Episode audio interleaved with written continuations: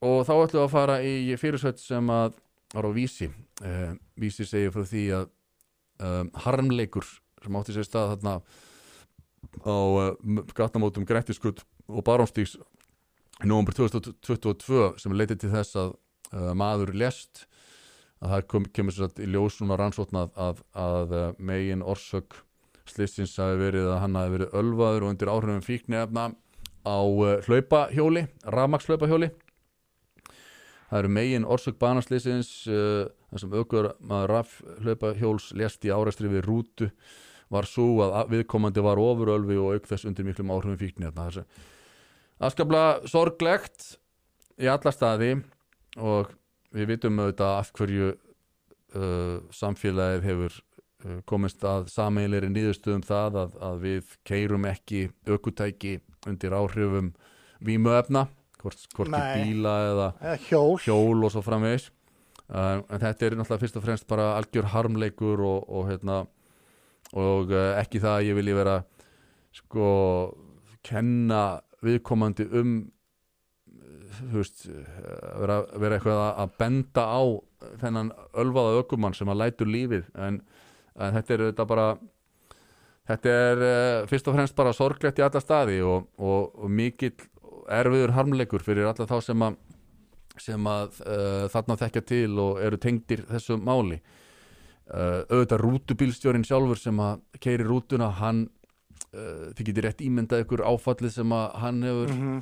verið að gangi í gegnum þarna en það er einmitt sko ljótt frá því að segja að þegar þetta slís gerðist í november 2022 þá voru margir lukkurittarar sem að trömmuðu fram á ritvöllin og uh, uh, letu sem sagt, í það skína að þetta væri allt rútubílstjórnum að kenna og rútunum. Og þar á meðal var gísli nokkur Marteinn uh, Baldursson sem er sem er starfsmæður ríkisjónsins og hefur ofsalega mikil svona já, mikil svona mátt orð hans hafa þunga og þegar hann stígur fram á reyndöldin minna hann er hann er með stórt og mikið plattform auðvitað, í sjónvarsþáttunum sínum og Twitter uh, þúsundir tugþúsundir fylgjenda og svo framvegis. Þetta þetta er maður sem að uh, ber, hefur mikla ábyrð sko á því hvernig hann talar. Og hann hika ekki við að, að tala mjög óvarlega um þetta. Og hérna slengdi inn, inn hérna að því að það var að tala um þetta sem hlaupahjólaslýs í, í fjölmjölum þá segir hann hlaupahjólaslýs samkvæmt fréttinni var ekið á manneski á hlaupahjóli þetta er eins og að kalla það gönguslýs þegar ekið er á gangandi vegfærenda bílarnir eru vandamálið ekki hlaupahjólin, segir hann. Og hérna þið getur rétt ímyndað ykkur hvernig það hefur verið fyrir rútubílstjóran að, að lesa fréttir um, um þessi tíst Gísla Martins.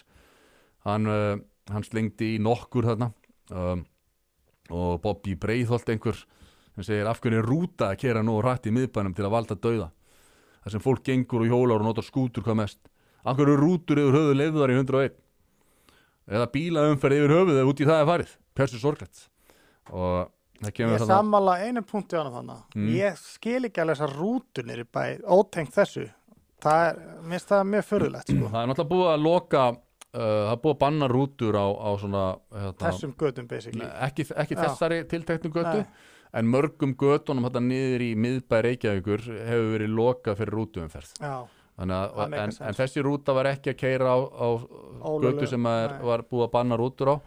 Og þessi rúta var að keira samkvæmt hérna, fréttinni sem við sáum á vísi á 22 km hraða. Já, þú þarft ekkert að, þetta var engin glanna akstur Nei, nei, líka ertu þessu haupahjóli og þú ert sjálfur á 20-30 km hraða. Já, ekki með hjálm og dettur í Malbík það þarf ekkert að vera einn hraði. Nei, nei, akkurat.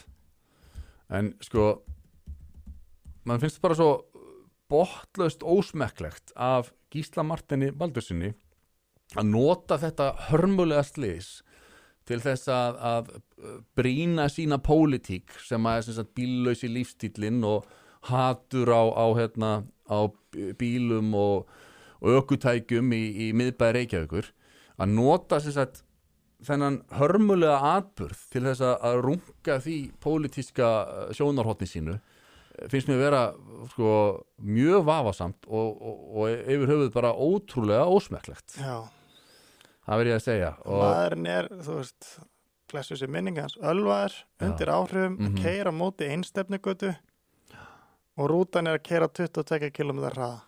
Þú veist, hvernig er hægt að sjá það að sé einhvern veginn rútun að kenna? Hvernig er þetta að, að, að, að þramma fram á rítvöllin með svona stórar fulleringar og, og, og í raun og veru að, að setja alla sökina á einhvern rútubílstjóra sem að í ljósið komið að, að var ekki að gera neitt rangt á bara að vinna sína vinnu. Mm en honum hefur örglega liðið alveg nægilega illa yfir sko slísinu sjálfu án þess að gíslið Marteit þurfti að fara að, að nuttast í þessu með þessum hætti sko.